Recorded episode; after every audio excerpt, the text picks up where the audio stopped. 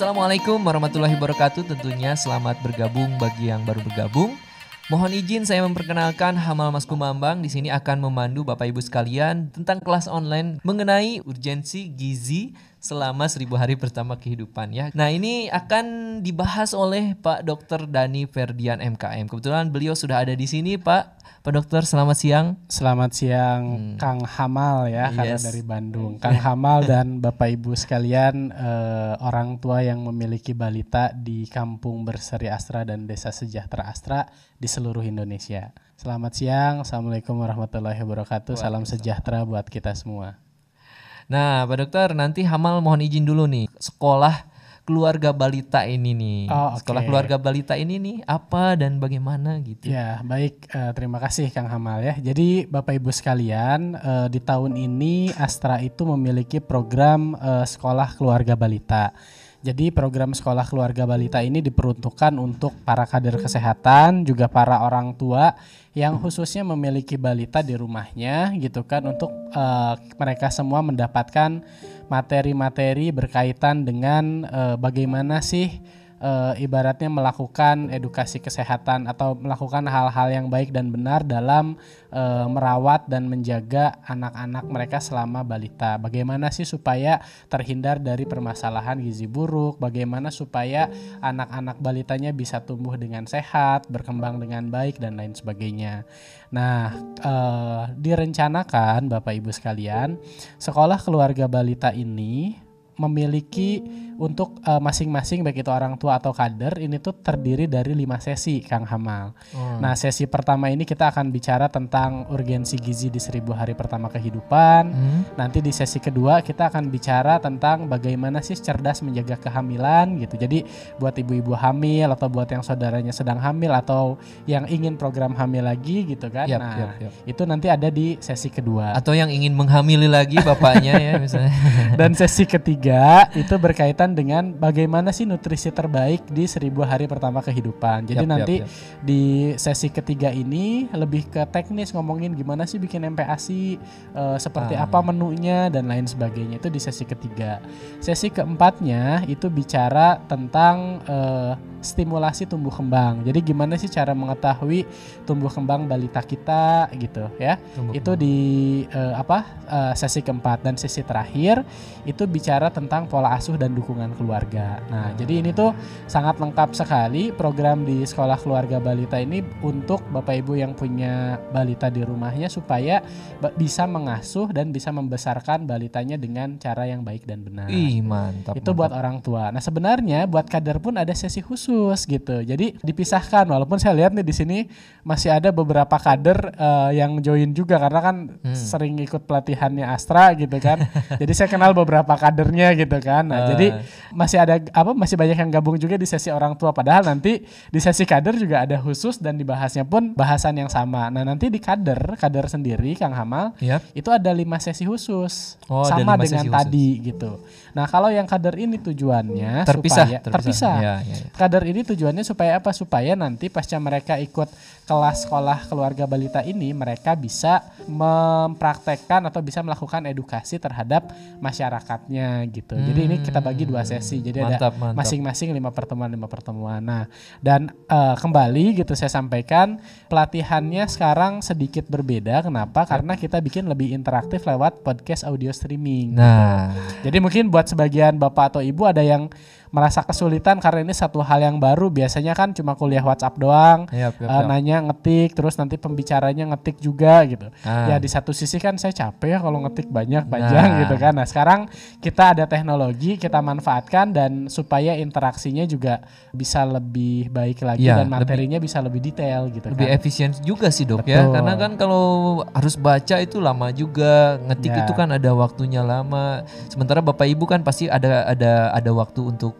masak dan lain-lainnya. Nah, jadi tersita gitu, kalau misalkan betul, nanti pakai cara itu ya. gitu. ya kayak gitu sih gambaran. Jadi ya selamat bergabung uh, bapak ibu sekalian. Nah uh, ditunggu saja. Setelah ini kita masih banyak sesi-sesi yang lainnya. Setidaknya Yap. ada empat sesi. Yang tidak kalah penting. yang tentunya. tidak kalah penting dan buat bapak ibu sekalian jangan bosan dengerin suara saya atau ketemu saya kan beberapa udah sering banget kang Hamal Iya, gitu iya, ya. iya, iya. Tapi tenang kok di sesi-sesi berikutnya nanti ada pembicara-pembicara lain yang eh, lebih keren juga dari saya yang bisa Wis, mantap, nyampein materi-materi. Nanti kita giliran. gitu. Iya, nggak akan bosen sih. Eh, kalau ke suaranya mah mungkin bosen, tapi ke materinya nggak akan bosen, Kak. Karena penting, Pak. Oke. Oke, lang- langsung aja kita akan mulai, Pak Dokter ya. Boleh silakan. Jadi itu tuh nanti bet- betapa pentingnya gabung dengan sekolah keluarga balita tadi sudah disampaikan juga sama Pak Dokter. Jadi tentunya podcast ini sangat penting. Jadi mohon dukungan dan support dari Bapak Ibu sekalian untuk tetap mendengarkan. Stay tune terus pokoknya ya. Tetap menyimak walaupun bisa sambil masak, sambil nyusuh tapi tapi bisa sambil menyimak mendengarkan gitu ya. Pakai headset di rumah gitu ya sambil tetap mendengarkan materi yang akan disampaikan. Oke, Dok, langsung saja nih. Ya. Biar tidak ngayayai istilah bahasa Sundanya mah. Apa sih pertama ini kan kita lagi ngebahas urgensi gizi selama seribu hari pertama kehidupan. Ya. Nah, kalau gizi mah mungkin udah familiar Bayang ya. ya, Tapi gitu. kalau seribu hari pertama kehidupan nih, apa sih seribu hari pertama Oke. kehidupan? Kenapa seribu hari pertama? Jadi eh, bicara seribu hari pertama kehidupan, ini definisinya dulu ya. Seribu hari pertama kehidupan tuh bukan artinya bukan ketika bayi lahir terus dihitung seribu hari setelah dia lahir. Oh. Enggak, tapi seribu hari pertama kehidupan itu adalah dimulai dari hari ke nol masa pembuahan. Ya. Dimulai dari Jadi hari- dari hari ke nol masa pembuahan sampai ke seribu hari berikutnya. Artinya dari eh, pertama kali anak itu eh, di dalam kandungan dalam bentuk zigot gitu ya. Yap. Itu kan pertama hari pertama pembuahan sampai ke seribu hari itu artinya 24 bulan pasca dilahirkan. Jadi eh, seribu hari pertama kehamilan eh seribu per hari pertama kehidupan itu adalah periode pertama anak dari masa kehamilan sampai usia dia 2 tahun Hmm. di mana 9 bulan Yap. itu 270 hari di dalam kandungan ditambah 2 tahun pertama anak setelah dilahirkan atau 730 hari. Jadi 270 dalam keh- kandungan, Hmm. 730 harinya itu setelah dia dilahirkan. Jadi Oh, itulah iya, 1000 iya. hari pertama kehidupan. Jadi ditambah eh, Betul. Maka kalau tadi kan kalau nggak salah di pretest juga ditanya kan apa sih 1000 hari pertama kehidupan? Jangan sampai salah lagi gitu. Hari Hmm. pertama kehidupan tuh dari mulai pembuahan artinya dalam kandungan sampai anak itu berusia 2 tahun. Nah, Bukan artinya bukan dari brojol ya bukan, berarti. bukan dari brojol. Iya, iya. Artinya apa? Pentingnya menjaga gizi atau Mm-mm. menjaga pemeliharaan calon buah hati kita atau pemeliharaan anak kita sebenarnya dilakukan sejak hari pertama pembuahan. Hmm. Itulah pentingnya. Nanti kenapa pentingnya nanti akan kita bahas kayak gitu. Bukan hanya buat ibu dulu. berarti buat bapaknya Betul juga sekali. penting buat pengetahuan bapak, ini. buat ibu. Maka saya sangat senang sekali ketika di apa sesi kali ini Hmm? ada bapak-bapak juga yang ikut gitu. Nah, Nah, itu luar ya. biasa itu. Luar biasa. Betul. Baik dok. Nah, eh, kenapa harus seribu hari pertama tuh? Oke, kenapa harus seribu hari pertama? Karena eh, sesuai kalau judul yang saya kasih, seribu hari pertama itu tuh dikatakan eh, generasi emasnya kehidupan, Generasi emas generasi atau kehidupan. periode emasnya kehidupan lah. Nah, Hmm. kenapa periode emasnya nanti dibahas di sesi berikutnya. Dan sekarang yang eh, menjadi penting adalah kenapa ini dibahas Hmm. di seribu hari pertama kehidupan? Karena eh, kejadian stunting, Oh, ya sering dengar ya sekarang Iya, ya iya, iya. Stunting kejadian tuh. stunting ya itu tuh harus diselamatkan terutama di seribu hari pertama kehidupan ini. Jadi Nah. kalau ada anak stunting, Hmm. stunting terus sampai lewat 2 tahun Yap. gitu ya, itu nanti bakal banyak efek yang terjadi pada anak itu baik Hmm. itu ketika dia masih anak-anak atau ketika dewasa. Nah, tapi tapi Nah. dok kan eh, ini Ya. mungkin stunting ini populer tapi Oh ya. mungkin masih banyak yang nggak tahu nih Oke, stunting itu perlu eh, dijelaskan Ya, juga. Bapak Ibu mungkin harus eh, tahu dulu stunting itu apa. Apalagi kan selama ini sering dengar ya pemerintah sebelum corona Hmm. mewabah ini kan sering ngomongin tentang stunting, Stunting, stunting, stunting, gitu. Nah, jadi kalau bicara stunting ini juga kalau nggak salah di pretest ada ya di soal. Kalau bicara stunting itu tuh eh, artinya tuh gambaran kondisi tubuh anak itu kondisinya atau gambaran itu tuh pendek jika dibandingkan Hmm. ya tinggi anak sesuai umur tersebut gitu. Ya, sesuai rata-rata umur. Ya, jadi tinggi anak ah, yang pendek yang kalau kita bandingkan dengan standar umur anak di usia tersebut, dia lebih pendek gitu. Dan Hmm. biasanya diakibatkan karena eh, apa namanya kekurangan gizi yang berlangsung kronis. Jadi Oh. berlangsung panjang gitu. Jadi kalau kurang gizi cuma sehari dua hari mah nggak akan bikin stunting. Yap, Tapi yap, biasanya kalau berbulan-bulan gitu, itu dia sampai bikin stunting dan berdampak pada eh, tinggi badannya yang dia tidak berkembang gitu. Hmm. Jika dibandingkan dengan umurnya gitu. Nah tapi menyikapi stunting ini juga nanti nggak bisa nih anak pendek langsung dibilang kamu stunting, nggak Oh, iya, bisa. iya, iya. Jadi gimana cara menentukan anak itu stunting? Bapak ibu itu harus melakukan eh, pemplotingan atau apa ya kayak eh, buka grow chartnya yang dikasih sama WHO kan suka Hmm. ada tuh bahkan di buku KIA itu tuh Hmm. ada tuh grafik pertumbuhan dari WHO.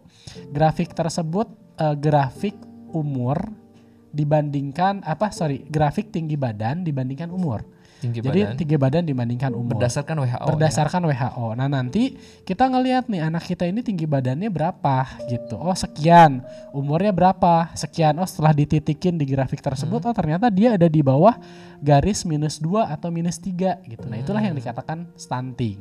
Tapi itu pun harus dikonfirmasi lagi ke layanan kesehatan gitu. Ya, harus dikonsultasikan lagi. Betul, tapi cara mengetahuinya gimana? Ya itu tadi membandingkan tinggi badan per umur. Maka tadi ada Yap, yap. pertanyaan tuh, stunting itu ditentukannya berdasarkan apa? Apakah berat badan per umur, berat badan per Hmm. tinggi badan? Jawabannya adalah tinggi badan per umur grafik Ah. itu. Apakah cuma tinggi badan, Dok? Ya, kalau stunting hanya Oh, tinggi badan per tinggi umur. badan. Yap, Jadi yap, nanti di plotting di tinggi badan per umurnya dia sudah sesuai dengan usianya atau belum. gitu. Walaupun tinggi badan belum tentu itu stunting gitu ya. Walaupun Walaupun belum tentu eh, gitu ya. karena eh, begitu teman-teman atau bapak ibu sekalian melihat grafik seperti itu baiknya langsung menghubungi layanan Ah, kesehatan iya, untuk dikonfirmasi Itu gitu. hanya salah satu cirinya Betul, gitu itu ya. salah satu toolsnya tuh seperti itu. Nah tapi kalau bapak ibu yang di kampung berseri astranya masing-masing, eh, posyandunya sudah menggunakan aplikasi iPosyandu yang Mhm. kerjasama Unpad. iPosyandu tuh. iPosyandu gitu ya. Si kadernya rajin memasukkan ke iPosyandu itu nggak Hmm. usah lagi dititikin lagi otomatis begitu dia ngukur tinggi Oh. badannya berapa, umurnya berapa langsung ketahuan. Sudah ada aplikasinya Ya, loh Bapak Ibu tuh Gitu. iPosyandu. iPosyandu tuh. bahkan sekarang tuh sudah ada juga iPosyandu orang tua. Jadi ketika Hmm. bapak ibu orang tuanya mendownload iPosyandu orang tua, eh, dia bisa melihat data anaknya lewat aplikasi itu tanpa harus ngukur-ngukur lagi. Dia udah ada tuh Oh, statusnya. nggak perlu ngotret-ngotret Nggak perlu lagi, lagi, ya, ya. gitu kan. Tapi Oh. syaratnya kader kesehatannya posyandunya harus input data anaknya itu di aplikasi iPosyandu kader. Gitu. iPosyandu kada. Ah, kayak gitu sih gambarannya. Itu itu salah satu toolsnya caranya untuk mengetahui itu. Kenapa? Ini harus dimonitor Bapak Ibu Hmm. sekalian karena jumlahnya ya kalau Bapak Ibu pengen tahu anak stunting, stunting tuh bahasa populernya atau bahasa awamnya kuntet lah, Ah. pendek gitu, Iya, iya. cebol, kerdil, beke gitu ya. Iya, ya banyak iya, lah iya. sebutannya ya gitu. itu tuh itu tuh ya nama atau bahasa lainnya stunting lah. Di. Indonesia datanya itu walaupun di 2013 tuh 37 persen, sekarang itu di tahun 2018 di riset kesehatan dasar yang terakhir Hmm. turun alhamdulillah, Alhamdulillah jadi turun, ya. 30 persen, tapi masih tinggi. 30 persen itu kan artinya 3 dari 10 anak kita itu tuh stunting gitu, gizi eh, kekurangan gizi yang berlangsung kronis yang membuat dia pendek gitu kan, iya, iya. pertumbuhannya tidak sesuai dengan umurnya. Kenapa Hmm. tadi saya bilang kenapa ini eh, harus dilakukan monitoring terhadap anak-anak kita terutama yang masih di bawah 2 tahun Yap. supaya mengetahui anak kita tuh termasuk yang stunting atau bukan Hmm. gitu. Karena datanya lumayan tinggi di Indonesia. 30% tuh artinya 3 per 10 gitu anak mengalami kejadian tersebut. Nah, dan Hmm. kenapa tadi dibahas juga seribu hari pertama kehidupan? Karena stunting ini tuh bukan gara-gara begitu anak dilahirkan gizinya kurang, bukan. Yap. Tapi semenjak eh, pembuahan masa pembuahan dalam kandungan itu yang mempengaruhi anak itu tuh ketika lahir dia sudah stunting atau belum gitu. Hmm. Kayak gitu gambarannya. Nah, salah satu yang faktor yang menyebabkan anak itu stunting adalah kekurangan gizi pada ibunya. Kekurangan gizi pada kekurangan ibunya. pada gizi pada ibunya. Atau bahkan saya sering bilang juga kalau ke anak-anak muda, Hmm. bisa jadi salah satu penyebab stunting yang 30% itu itu adalah gara-gara remaja putri sekarang. Bahkan yang belum nikah gitu. Oh. Kenapa?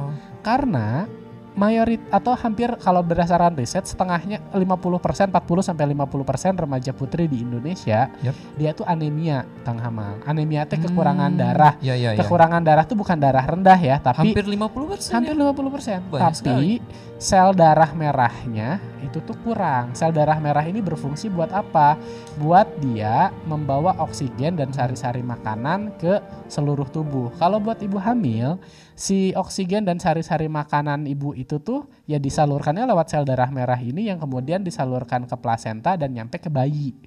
Nah, Hmm. kalau ibunya anemia, ya artinya dari remaja putri dia udah anemia, maka zat transportnya ke bayi kan kurang. Maka bayi akhirnya kekurangan gizi gitu. Nah, maka yang harus dipertimbangkan juga buat para calon ibu adalah coba deh dicek ibu-ibu tuh sekarang anemia atau enggak gitu. Ya, kan ya, bahkan ya. kalau udah hamil, itu tuh kan ada program pemberian tablet tambah darah buat ibu hamil ya. Ya ya ya. Nah, tapi pada kenyataannya gitu ya.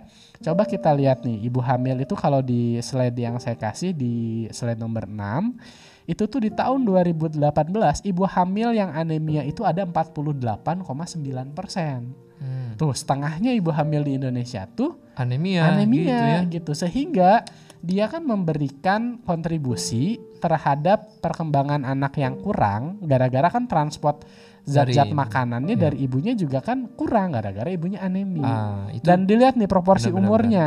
Proporsi umur mayoritas yang anemia itu 84,6% terjadi pada ibu hamil berusia 15 sampai 24 tahun. Oh. Jadi mamah-mamah muda gitu kan yang Banyak banyaknya mamah muda ya, anemi banyaknya. gitu. Karena bisa jadi begitu sebelum dia hamil pun sebelum dia nikah Yap. udah anemi kan yang tadi saya Ah. bilang. Maka kalau buat remaja putri nih buat orang tua yang masih punya remaja putri Mhm. silahkan berikan tablet tambah darah pencegahan buat anak-anak eh, remaja putrinya. Gimana Ya, caranya? Berikan 52 tablet tambah darah bagi remaja putri yang diminum dalam setiap satu minggu itu satu tablet di hari yang sama. Jadi tiap hari Senin misalkan tuh si remaja putri ini tuh eh, minum tablet tambah darah rutin. Jadi Ya, sampai ya. 52 habis berarti itu udah satu tahun minum tablet tambah darah itu. Ah, buat yang anemia tentunya ini kan ya. Eh, pencegahan pun bahkan sekarang Oh, kalaupun dia nggak tahu dia anemia atau Oh. enggak, pemerintah sudah punya program itu sekarang. Oh itu itu nggak nggak masalah buat yang punya penyakit apa pun nggak masalah ya. Sebenarnya bermasalah untuk yang punya penyakit talasemia. Talasemia. Ya, jadi kalau yang punya talasemia jangan minum Jangan tablet minum tambah itu. darah. Oke. Tapi kan kalau yang dia sehat atau apa gitu ya nggak punya talasem dia nggak masalah. Ya, cina ada ada yang darah tinggi, cina mau ditambah darah deh Nah itu mah nggak nyambung. Jadi darah ya. tinggi dikasihnya misalkan tablet FE, tablet tambah darah itu mah nggak nyambung karena Ah, tablet FE ini diberikan buat bukan yang tekanan darahnya kurang, tapi yang sel darah merahnya kurang. oh, Anemia iya, ini iya, iya. definisinya sel darah merahnya yang kurang, bukan tekanan darahnya yang kurang gitu ya. Kalau tekanan darah mah ditensi gitu kan. Iya, iya, Nah itu tekanan darah. Kalau anemi itu tuh ditusuk pakai jarum untuk darahnya kemudian diperiksa. Nah maka kalau untuk di Kampung Berseri Astra, sebagian Kampung Berseri Astra sudah dibantu tuh sama Astra dikasih alat untuk ngecek hemoglobin gitu supaya Oh. tahu remaja putri atau ibu hamil itu anemi atau enggak gitu. Kayak gitu. Jadi sebenarnya tidak hanya eh, faktor yang bikin dia eh, stunting gitu ya. Anak itu tuh bukan ketika dia lahir aja tapi semenjak dalam kandungan itu mempengaruhi. Dan tentu saja pasca lahir pun iya. Contohnya apa? ASI eksklusif. Nah, ASI Hmm. eksklusif di kita nih dilihat di ASI nomor eksklusif. 7 gitu ya. Ini tuh yang ASI eksklusif sampai 6 bulan angkanya tuh cuma 30%. Artinya dari 10 ibu menyusui yang asinya eksklusif artinya enam bulan itu si bayi nggak diberikan makanan atau minuman apa pun selain asi hanya 30% Hanya 30%. Padahal 30% itu penting ya. Itu tuh penting banget gitu kan untuk Hmm. mencegah anak stunting. Nah, faktornya teh banyak kenapa si ibu ini tuh Hmm. nggak eh, apa menyusui secara eksklusif. Alasannya. Nah, alhamdulillah nih sekarang banyak bapak-bapaknya yang datang juga ikut kelas gitu. Ah, karena kelas iya, kayak iya, gini iya, tuh iya. perlu juga. Karena apa? Karena bisa jadi ibu itu tuh nggak menyusui secara eksklusif gara-gara apa? Gara-gara suaminya.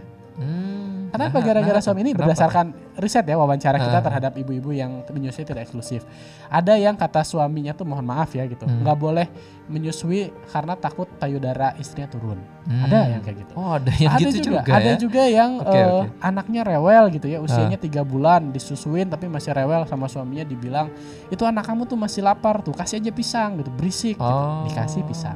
Jadi di kita tuh masih pat- pater- paternalistik. Jadi ibu itu atau perempuan Hmm. itu lebih takut atau lebih nurut ya ketika suami bilang A ya dia mah nggak bisa nolak maka saya akan melakukan itu. Nah maka sekarang alhamdulillah ada bapak-bapak di sini ya dukung gitu para ibu yap. para istri untuk eh, menyusui secara eksklusif. Di luar itu apalagi orang tua atau mertua sama Hmm. juga kayak gitu kan ketika orang tuanya bilang ini mah kasih aja lah bubur eh, beras gitu atau Hmm. apa gitu ya sebagai anak atau sebagai menantu kadang para ibu juga ngerasa eh, ya nggak bisa melakukan menolak hal tersebut Hmm. atau bisa juga karena ibu-ibunya pada bekerja nah padahal bekerja juga bisa kan diperah sekarang tuh susu Oh kan asli iya bisa iya iya. diperah iya. tapi masih ada masyarakat kita yang nggak tahu tentang itu nah maka kalau ini kelasnya kader gitu saya akan minta untuk para kader itu untuk punya program ya salah satunya penyuluhan ASI eksklusif gitu Oh, kayak gitu karena ini mempengaruhi nah kalau ngomongin tentang stunting dan tinggi badan ini juga ada hal yang menarik nih di slide saya nomor 8 jadi rata-rata tinggi badan anak umur 5 sampai 18 tahun di, jika dibandingkan eh, dengan WHO. Jadi kalau di data di sini grafik warna ini buat laki-laki ya. Grafik warna biru itu tuh rujukan WHO tuh yang warna biru. Nah, di kita ini tuh eh, baik itu di tahun 2007, 2010 atau 2013 itu tuh masih jauh di bawah grafik tersebut. Bedanya dengan standar Hmm. 12,5 cm untuk remaja anak anak laki-laki kita di Indonesia tuh. Kalau anak perempuan bedanya 9,8. Jadi semestinya kalau kata WHO Hmm. anak-anak kita tuh gitu ya anak-anak laki sama perempuannya tuh tingginya kalau yang laki-laki harusnya 12 sen- setengah Iya. sentimeter lebih tinggi dari yang sekarang dan perempuannya 9,8 cm lebih tinggi dari yang sekarang Nah, Pak Dokter katanya ini mah ini mah hubungannya sama itu katanya gen. bisa Nah, itu bisa juga. benar Tapi makanya ketika tapi nggak akan kurang dari standar itu Nah, ya. tergantung. Nanti Oh, kita lihat. tergantung. Jadi ketika kita menentukan seseorang itu stunting atau enggak, ketika tadi kita ngelihat ya tinggi badan per umurnya, Hmm. ternyata oh dia di bawah minus 2 atau minus 3 dari grafik eh, Oh. tinggi badan per umur itu tuh salah satu yang kita cross check adalah gimana tinggi badan orang tuanya. Nah, itu tuh dicek dulu. Jadi nanti ada perhitungannya kalau buat tenaga Oh, kesehatan jadi nanti tuh. di aplikasi juga dimasukin ya tinggi Eh, badan orang Kalau tua. di aplikasi itu hanya untuk screening. Oh, Jadi screening begitu doang. dia ketahuan tadi di bawah minus 2 atau minus 3 artinya kecenderungan ke arah stunting, dia harus ke tenaga kesehatan. Oh, Nah, iya, nanti iya, iya. begitu di tenaga kesehatan, tenaga kesehatan akan verifikasi. Kan Sebab menyimpulkan. tinggi badan berat badan orang tuanya berapa karena kalau tinggi Oh, badan orang iya, iya, tuanya iya. dua-duanya pendek mohon Hmm. maaf gitu anaknya pun bisa pendek tapi dalam eh, varian normal Ya, varian ya, ya. normal tuh apa jadi dia pendek tapi bukan stunting jadi pendeknya itu bukan karena kekurangan gizi yang berlangsung kronis Ya, tapi ya. karena genetik itu varian normal atau Oh, ada gitu. juga anak-anak itu tuh yang seolah-olah kayak stunting karena selalu di bawah minus 3 atau Hmm. minus ya minus 2 di bawah garis merah lah ya tinggi badan per umurnya tapi ketika dewasa eh, ketika dia masuk masa pubertas dia langsung melonjak Itu Eh, bisa kayak itu gitu bisa, itu Oh, iya. eh, namanya itu juga varian normal namanya eh, keterlambatan eh, pubertas Oh iya itu gitu ka- kayak Lionel Messi kalau pemain sepak bola tuh saya pernah itu ya.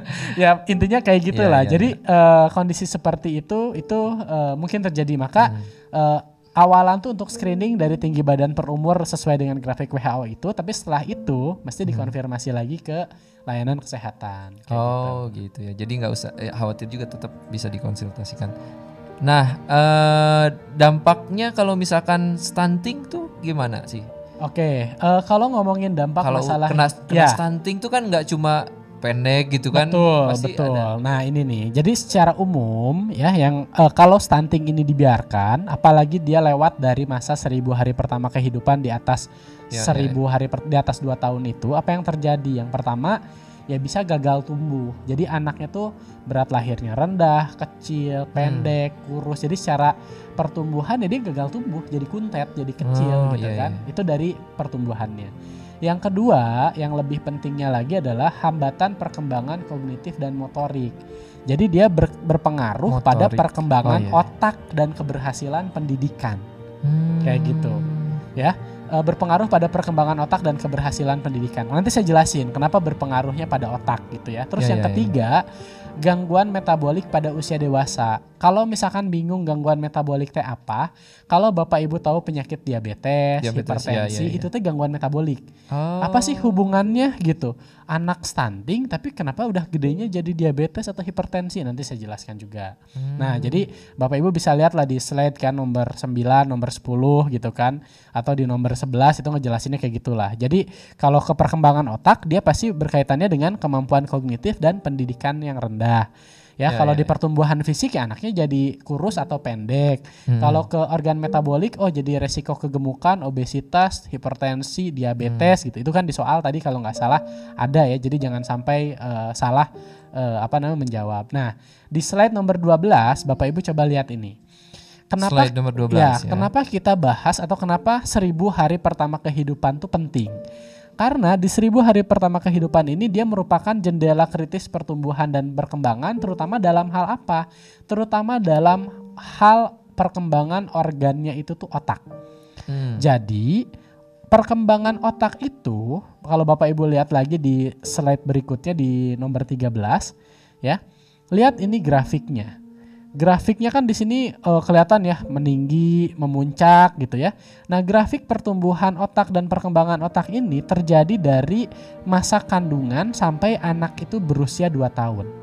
Jadi setelah 2 tahun perkembangan otak tuh grafiknya melandai, menurun. Artinya tidak banyak terjadi perkembangan otak di masa lewat dari 2 tahun tersebut. Sementara pertumbuhan-pertumbuhan atau perkembangan organ-organ yang lain itu tuh masih tetap berjalan di atas 2 tahun. Nah, jadi kalau bahasa sarkastiknya gitu. Kalau kita membiarkan anak itu kekurangan gizi secara kronis sampai dia jadi pendek atau Iya. stunting dan lewat dari periode emasnya ini di usia 0 sampai 2 tahun, mohon maaf gitu, anaknya bisa bodoh permanen. Hmm. Karena apa? Otaknya yang tidak berkembang. Ya, Ya, ya, kita ya, lihat lagi nih di gambaran otak di nomor 14. Hmm. 14 ini adalah gambaran otak anak bergizi baik dan yang mengalami kekurangan gizi. Hmm. Anak gizi baik ini gambaran rongsen ya. Gambaran uh, uh, sorry uh, apa CT scan ya, uh, penampang uh, radiologi kepala otak gitu. Iya. Dipotong melintang. Jadi Hmm. kayak kepala dipotong melintang gambarnya kayak gini otak tuh. Nah, anak yang gizi baik dan sehat otaknya tuh padat, penuh kan kelihatan putih kayak gini. Nah, sementara kalau anak yang gizi kurang, otaknya tuh nggak nggak padat gitu. Jadi kelihatan hampa, kopong, kosong gitu. Nah, makanya eh, otak kosong tuh ya gitu. Yap. itu tuh ada gitu Iya, kan iya, kayak iya, gitu. iya, Dan iya. kalau kita pengen lihat lagi dari segi selnya, itu Hmm. dilihat di halaman 15. Ya di page 15. Page 15 Kalau yang dilihat normal dia tuh. tuh cabang penghantar otaknya tuh di sel-sel otaknya tuh utuh dan panjang-panjang. Hmm. Sementara kalau otak yang anak-anak stunting atau kurang gizi yang berlangsung lama, cabangnya tuh terbatas, terputus, abnormal dan terlihat Ya. pendek. Lihat, kelihatan kan di sini Iya, kan? iya, iya, iya. Cabangnya tuh si antara satu pertemuan dengan pertemuan Hmm. lainnya tuh eh, nggak tegas gitu. Nah, itulah yang Hmm. menggambarkan bahwa gitu di dua tahun pertama kehidupan anak, terutama yang sangat penting tuh apa perkembangan otak. Karena Ya, setelah ya, dua ya. tahun ya perkembangan otaknya jadi nggak akan tumbuh dengan maksimal. Maka kalau ada anak kekurangan gizi di bawah ya, dua ya. tahun dikejar semaksimal mungkin supaya di era dua tahun ini di periode emas ini mereka bisa eh, keluar dari eh, apa namanya gambaran eh, masalah gizi tersebut. Dan kalau Betul, kita betul, pengen betul. lihat jauh lagi nih ada risetnya dari WHO tentang kecerdasan anak Indonesia. Di Hmm. sini gitu ya eh, ada sebuah organisasi yang 2012 ini dilakukan eh, apa namanya eh, penilaian lah terhadap pelajar usia 15 tahun di 65 negara dalam bidang membaca, matematika dan sains. Nah, Yap, yap, Indonesia pengen tahu urutannya ke berapa? Urutan ke berapa tuh? Dia urutan ke 60 da 64 dari 65 negara yang disurvei. Hmm. Kayak gitu. Itu Hampir bicara tentang dong. iya makanya kan sementara Singapura di urutan kedua, Vietnam 17, Malaysia 50, eh, eh Thailand 50, Malaysia 52 gitu kan. Terus yang menarik lagi yang tadi saya sampaikan ini sebelum eh, dijeda ya eh, sesi Ya, ya, satu. Tadi kan dibilang bahwa eh, apa hubungannya penyakit tidak menular dengan stunting. Nih Bapak Ya, Ibu ya, ya. lihat di slide nomor 17 di sini dibilang ya di tahun 2015 ini tuh sekarang penyebab kematian tertinggi itu penyakit-penyakit tidak menular kayak stroke, jantung, diabetes gitu ya. Iya, iya. Banyaknya kayak itu dan apakah gitu? Ya. Itu tuh hanya penyakit-penyakit orang kaya. gitu. Nah, ya. Nah, di slide nomor 18 ada risetnya. Jadi ternyata yang kaya dengan yang miskin propor- proporsinya sama. Jadi orang yang sangat kaya dengan orang yang sangat miskin mengidap penyakit hipertensi, diabetes, stroke itu tuh sama. Sama ya. Jadi itu bukan jadi penyakit orang kaya lagi sekarang, Ah. tapi orang miskin pun gitu itu bisa mengalami penyakit seperti itu. Dan Hmm. ini ada kaitannya dengan apa? Dengan kekurangan gizi anak yang berlangsung pada saat dia masih di bawah 2 tahun. ah. Nah, kenapa ini bisa terjadi? Karena gini gambarannya. Semestinya ambillah misalkan diabetes ya. Yap. Semestinya ketika di dalam kandungan sel pankreas itu tuh pankreas itu yang menghasilkan insulin ya. Insulin ini fungsinya untuk mengubah eh, karbohidrat itu tuh jadi cadangan energi ya. Hmm. Nah, si pankreas ini harusnya di dalam kandungan itu tuh perkembangannya tuh bagus. Tapi karena ibunya kurang gizi, Ibunya kurang jadi gizi. perkembangan pankreasnya tuh nggak maksimal. Nah Hmm. begitu dia dilahirkan, dapat kandungan atau volume gula yang sama antara anak a- anak yang dilahirkan Hmm. dari ibu gizi baik dengan ibu dengan gizinya kurang. Misalkan ambillah dengan eh, sejumlah sekian gram gitu ya yang sama diberikan kepada anak yang lahir dari ibu yang gizi baik dengan anak yang lahir dari ibu yang gizinya kurang itu tuh memberikan respon yang berbeda pada anaknya. Kalau pada yang anak yang lahir dari ibu yang bergizi baik dikasih eh, kandungan karbohidrat atau gula sekian gram itu, anaknya nggak akan kenapa-napa dan insulinnya bekerja dengan baik. Tapi Sama- di satu sama sisi, ya ini. Heeh. di satu sisi kalau yang lahirnya gara-gara apa ibunya ketika hamil dia gizinya kurang, anaknya lahir, Hmm. kan sel pankreas anaknya kan nggak berkembang maksimal. Maka Ya. ketika dikasih gizi, uh, dikasih kandungan gula atau karbohidrat dalam batas normal pun gitu, si pankreasnya sudah mulai merasa jenuh gitu, berat bebannya. Hmm. Dan ketika itu dilakukan terus-menerus gitu ya, maka eh, diabetes tipe 2 bisa muncul pada anak yang kekurangan gizi tersebut. Oh. Kayak gitu. Kenapa dia bisa beresiko? Karena memang dari perkembangan awal organ-organ metaboliknya kan tidak berkembang maksimal gara-gara asupan nutrisinya kurang. Jadi bahkan penyakit-penyakit itu bukan hanya dari faktor turunan tapi dari Enggak. yang seribu hari dari pertama seribu hari itu pertama ya. kehidupan juga sekarang tuh bisa menentukan itu. Oh, itu sih mungkin begitu, gambarannya Pak. Kang Hamal ya. Baik Pak Dokter, sepertinya ini sesi pertama sudah beres jadi kita harus sesi tanya jawab dulu nih. Boleh, kita akan menghimpun tanya jawab dari Bapak Ibu sekalian yang mau bertanya seputar materi yang barusan dibahas untuk sesi pertama. Nanti Pak Dokter langsung baca di layar atau bagaimana? Ya, oke. Eh, apa aja Kang Hamal? Nih, yang pertama gimana Pak Dokter? Apa pertanyaannya? Apakah dengan Pemberian ASI eksklusif dapat mencegah stunting? ah sudah sangat sangat malah sangat wajib bisa. ya Bahkan kalau bisa ya. Wajib dan sangat dianjurkan. Kalau misalkan tiba-tiba dikasih pisang berarti udah Oh gugur, gagal, udah gigi- gugur. gizi- Iya, eh, ASI eksklusifnya udah gugur. Oh, Kayak gitu. jadi itu memang harus pengawasan banget ya. Betul, dari ibu dan juga ya dari bapaknya. Eh, kalau Kayak misalkan gitu. nanti diasuhnya sama yang lain juga harus langsung diwanti-wanti. Ini jangan sekalipun dikasih makan Betul, yang lain selain betul, ASI ya. Betul. Oke, kemudian gizi yang baik dan sehat itu seperti apa? Bisa Nah, dijelaskan? ini nomor dua ini secara detail akan dijelaskan di sesi ketiga. Oh, nanti Jadi ada sesi nutrisi dalam seribu hari pertama kehidupan itu nanti ada se- sesi khususnya. Oh, untuk bahasannya perbincangan ya? dua jam sendiri. Ya karena banyak gitu. banget Betul. makanan. Tapi yang jelas nggak nggak perlu kaya untuk bisa gizi seimbang ini. Enggak Ah, harus oke. ya. Itu sudah Dan kalau ngomongin gampangnya banget gizi yang baik itu seperti apa? Bapak Ibu lihat aja eh, isi piringku sekarang tuh kan ada Ah, dari isi Kemenkes ya, ya. yang dua setengah dari dua pertiganya makanan pokok kayak nasi gitu ya, Ah. satu pertiganya dari setengah piringnya itu lauk pauk gitu kan, terus dua pertiganya yaitu kan sayuran dan satu pertiganya buah, terus dikasih apa air minum sehari 8 gelas disertai dengan Hmm. aktivitas fisik dan cuci tangan Gak harus mahal jadi ya nggak ya. harus mahal. Nah itu secara praktisnya, tapi detailnya gimana itu ada di sesi ketiga tentang Oh, iya, nutrisi iya, iya. di seribu hari pertama Jadi kehidupan. pantau terus eh, dan simak terus ya sesi seperti ini ya. Betul. Nah, Pak Dokter, apa ada strategi Ah, untuk ini dibahas di sesi resiko dua. strategi? Ah, Nanti di sesi dua. Nanti Setelah habis ini ini kita kita, akan akan bahas. Nah, ini di keep dulu ya, admin. Oke. Maaf mau tanya apakah masalah kehamilan seperti placenta previ, KPD dan lainnya bisa menyebabkan stunting katanya? Oke, nah Oh, apakah ini kehamilan, bisa ya. masalah kehamilan misalkan placenta previa, kelenjar pecah dini bisa menyebabkan stunting nggak? Sebenarnya mungkin eh, bisa dia menimbulkan bayi berat lahirnya rendah karena apa? Karena kan dia harus dilahirkan prematur misalkan tuh. Kalau yang ke- Hmm. kelenjarnya pecah dini kan Kalau di kehamilan kan otomatis dia ya harus di apalagi kalau cairannya udah kurang kan Mhm. otomatis harus diinduksi untuk dilahirkan kan. Jadi bisa jadi berat badan anaknya lahir rendah gara-gara apa? Gara-gara dia prematur gitu. Ya, Tapi ya. itu bisa dikejar. Kelahiran prematur pun bisa dikejar untuk anaknya eh, apa namanya? nggak nggak harus untuk eh, jadi kurang gizi gitu. Enggak. Ya, gitu. ya, ya. Itu bisa dikejar. Terus kalau masalah placenta previa itu sebenarnya nggak mempengaruhi stunting karena placentanya Oh, mah eh, baik-baik aja cuma posisinya aja yang salah gitu di ibu Hmm. gitu kan. Jadi nggak ada masalah kayak gitu. Oke, jadi sudah dijawab ya tadi ya. Ini yang mengatasi stunting nanti dibahas di sesi berikutnya ya. Oke. mata- Pak dokter, berarti tidak berpengaruh dari gen katanya Stunting tidak berpengaruh dari Jelas tadi genetika. sudah ini tidak gitu ya. Tapi kalau anak pendek bisa nggak bisa, tapi pendek belum tentu stunting. Belum tentu stunting. tapi kalau ya. stunting pasti pendek. Ah, ya ya ya.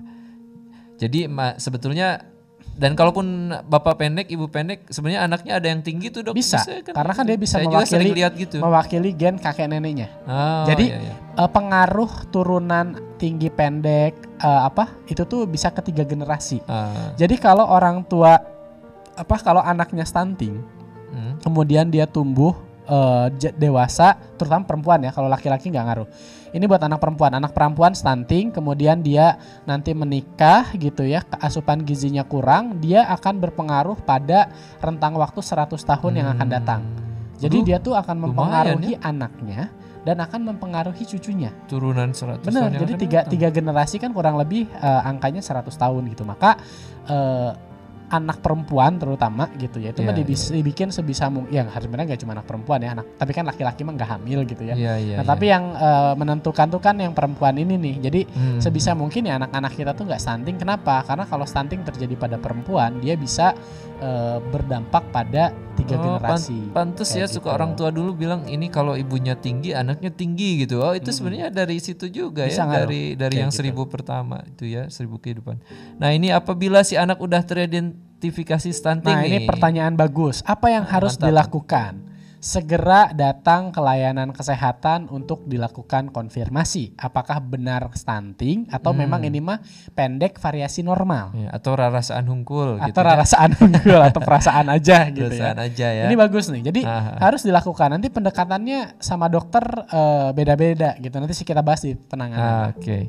Ada sesi kedua ya penanganan ada, atau? ada. Oh, iya. Nanti di eh, penanganan stunting nanti. Oh penanganan bahas, stunting. ya. Oke. Umur di bawah 2 tahun bisa melihat Bisa. Sudah bisa ya. Bisa. jelas. Yang penting nanti Bapak Ibu, makanya di buku KIA nih buat ibu-ibu lihat di buku KIA itu yang warna pink ya. Itu tuh ada grafik tinggi badan per umur. Nah, coba Nah. anak-anaknya sering diukur tinggi badannya dan di plotting tinggi badannya misalkan sekian umur anak saya berapa. Di plotting dititikin tuh gitu. Oke. Dititikin di grafik itu.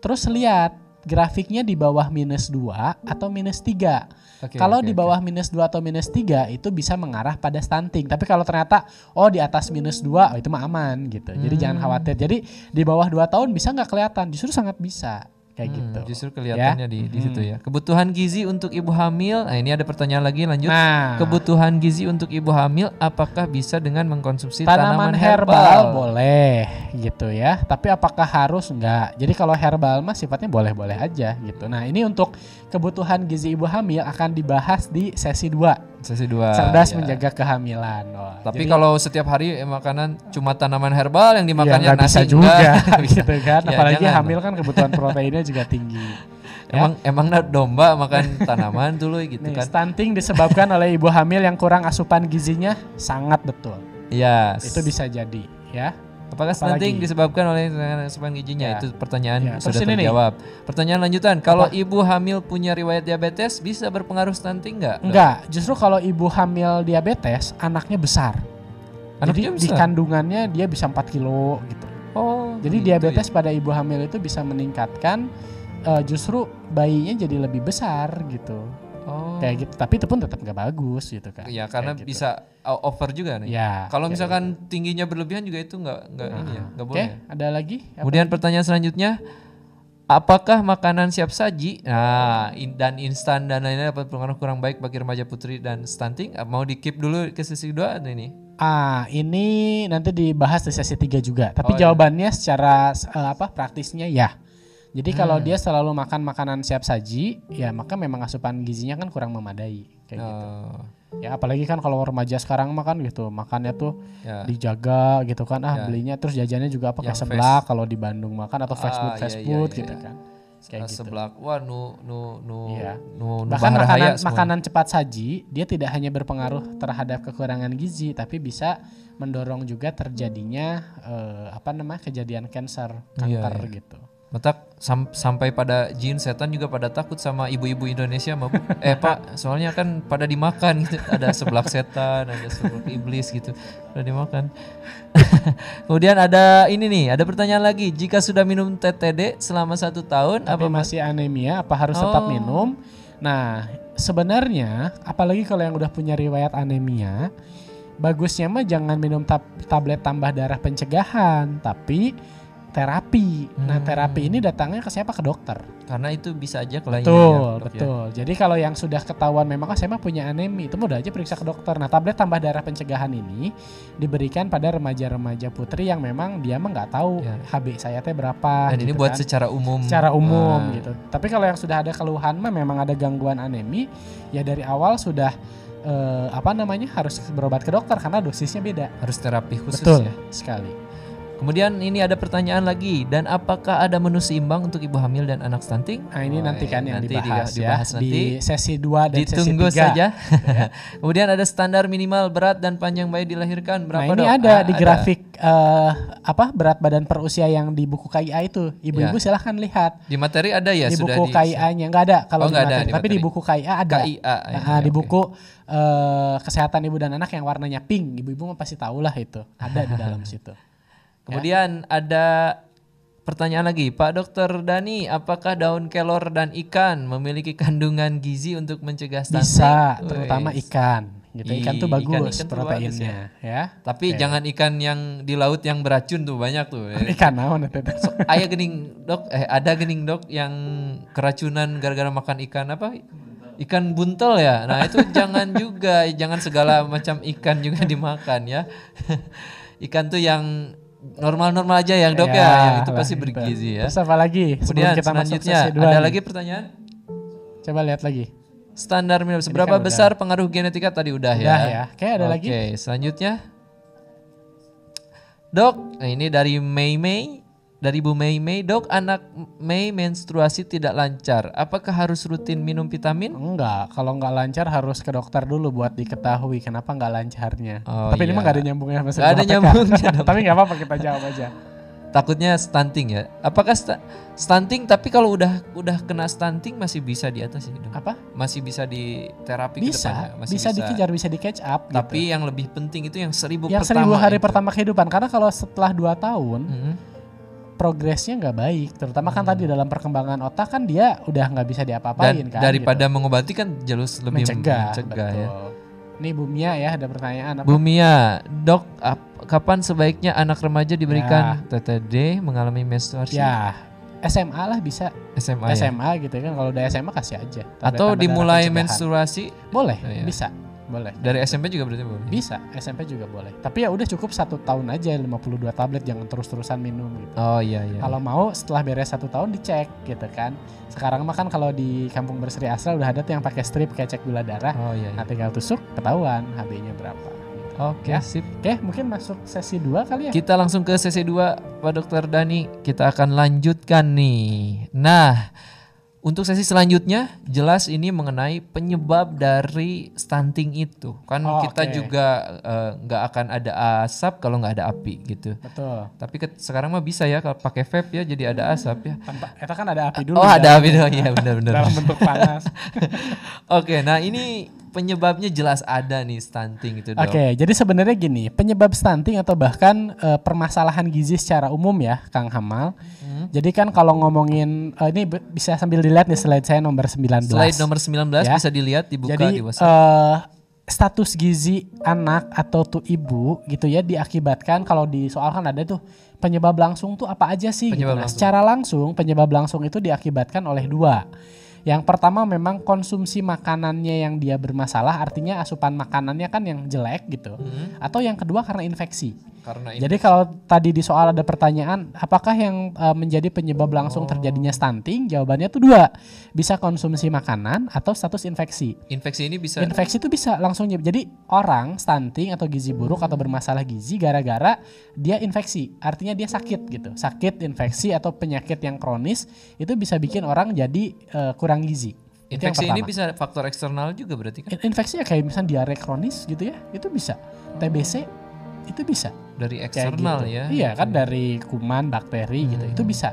Atau yang kedua memang asupan makanan ya konsumsi makanan yang bermasalah. Hmm, ya, ya. gitu. Jadi ya memang anaknya makan yang nggak benar, ibunya makan yang nggak benar, pola makan yang nggak benar itu bisa mengakibatkan eh, permasalahan gizi tersebut. Jadi Nah, apa yang harus dilakukan? Nanti itu yang Oh, harus iya, dilakukan. oke. Nah, terus penyebab langsung ini bisa diakibatkan juga oleh penyebab tidak langsung. Yang pertama Oh, misalkan kan di Tadi penyebab langsung. Nah, kan kalau di soal juga tadi kan ada penyebab tidak langsung. Penyebab tidak langsung tuh di antaranya apa? Ketersediaan dan pola konsumsi pangan. Jangan-jangan gitu ya. Hmm. Eh, kenapa dia asupan makannya kurang? Gara-gara ketersediaan bahan makanannya pun nggak ada. Bisa kan? Yes. Kayak gitu. Terus yang penyebab tidak langsung tuh apalagi? Pola asuh.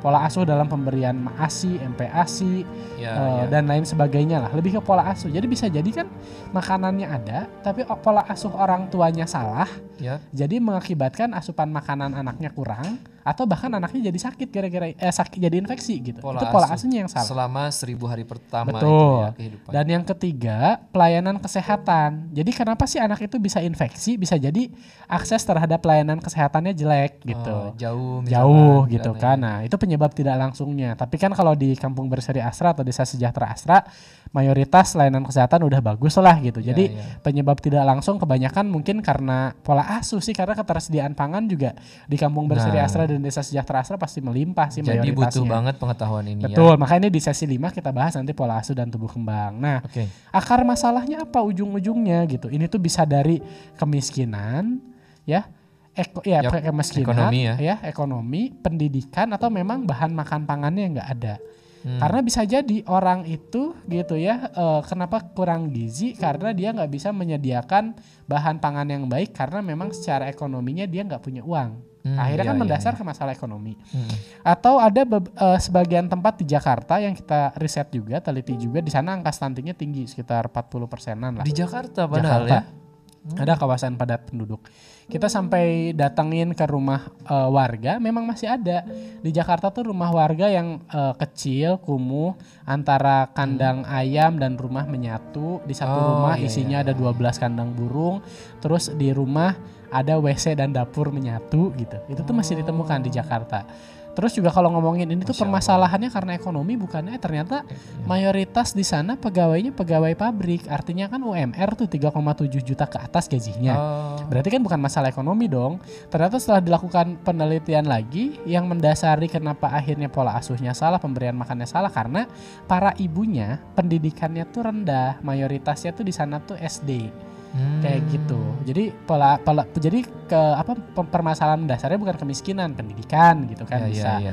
Atau eh, kayak misalkan ada lag- lagi beberapa rumah yang kita temukan eh, secara ekonomi dia mampu, tapi ketika kita eh, tracking kita lihat pengeluaran uangnya itu ekonominya itu untuk apa aja, anggaran buat rokok lebih besar daripada Aduh. anggaran buat beli makan makanan sehat buat keluarganya. Itu tuh nah, ada. ini penting buat bapak-bapak Nah, berarti. ini ini secara umum gambaran faktor penyebab masalah eh, gizi. Nah, Nah di sini saya coba perdalam lagi untuk faktor penyebabnya yang lebih rinci berkaitan dengan keluarga sama asupan yang tidak eh, mencukupi gitu ya. Ya. Jadi kalau di faktor keluarga permasalahannya apa? Yang pertama kalau dari segi sisi ibu, sisi ibu itu permasalahannya adalah asupan nutrisi ibunya yang kurang, ya. Terus ibunya sakit gitu ya, infeksi. Terus eh, dia hamil terlalu muda, Ya, remaja ya. itu juga bisa. Terus eh, jarak kelahirannya terlalu pendek. Jadi kan kalau eh, yang bagusnya kan jedanya tuh setelah 2 tahun. Ini jaraknya terlalu pendek gitu. Akhirnya bisa bikin eh, apa namanya kondisi status gizi anaknya pun kurang baik. Jadi yang satu belum keurus sudah hamil lagi makanya gitu kan. program KB, KB itu gitu, penting. gitu kan. Atau ibunya hipertensi itu bisa mempengaruhi. Kalau tadi kan Oh nanya iya iya iya. diabetes gitu. Diabetes berpengaruh nggak pada stunting? Justru hipertensi yang berpengaruh. Oh, Jadi kalau tinggi ibunya ini. darah tinggi Oh. itu bisa berpengaruh.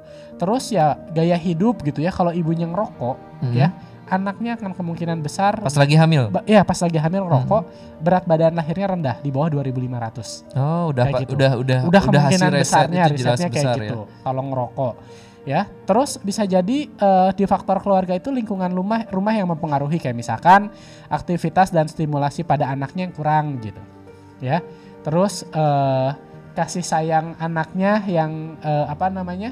eh, pola pola asuhnya yang salah gitu. Terus lingkungan di rumah itu juga yang salah, ketersediaan makanannya yang enggak ada gitu. Itu mungkin eh, yang di rumah sih lebih ke arah pola asuh dan lingkungan. Yap. Ya, terus Hmm. kayak bisa jadi asupan yang eh, kurang. Asupannya itu kayak misalkan eh, makanan asupan makanan buat anaknya Yap. kurang gizinya gitu ya. Tidak mengandung eh, nutrisi yang baik, energinya kurang gitu. Atau eh, memang asupan makannya aja jarang gitu ya.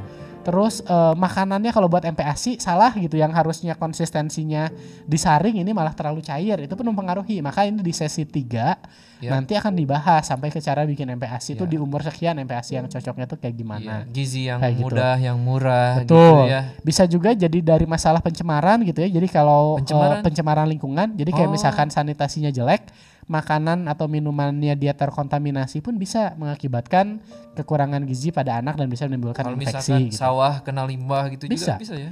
Bisa. Oh. Terus atau misalnya tadi ya eh, tidak memberikan ASI eksklusif gitu ya.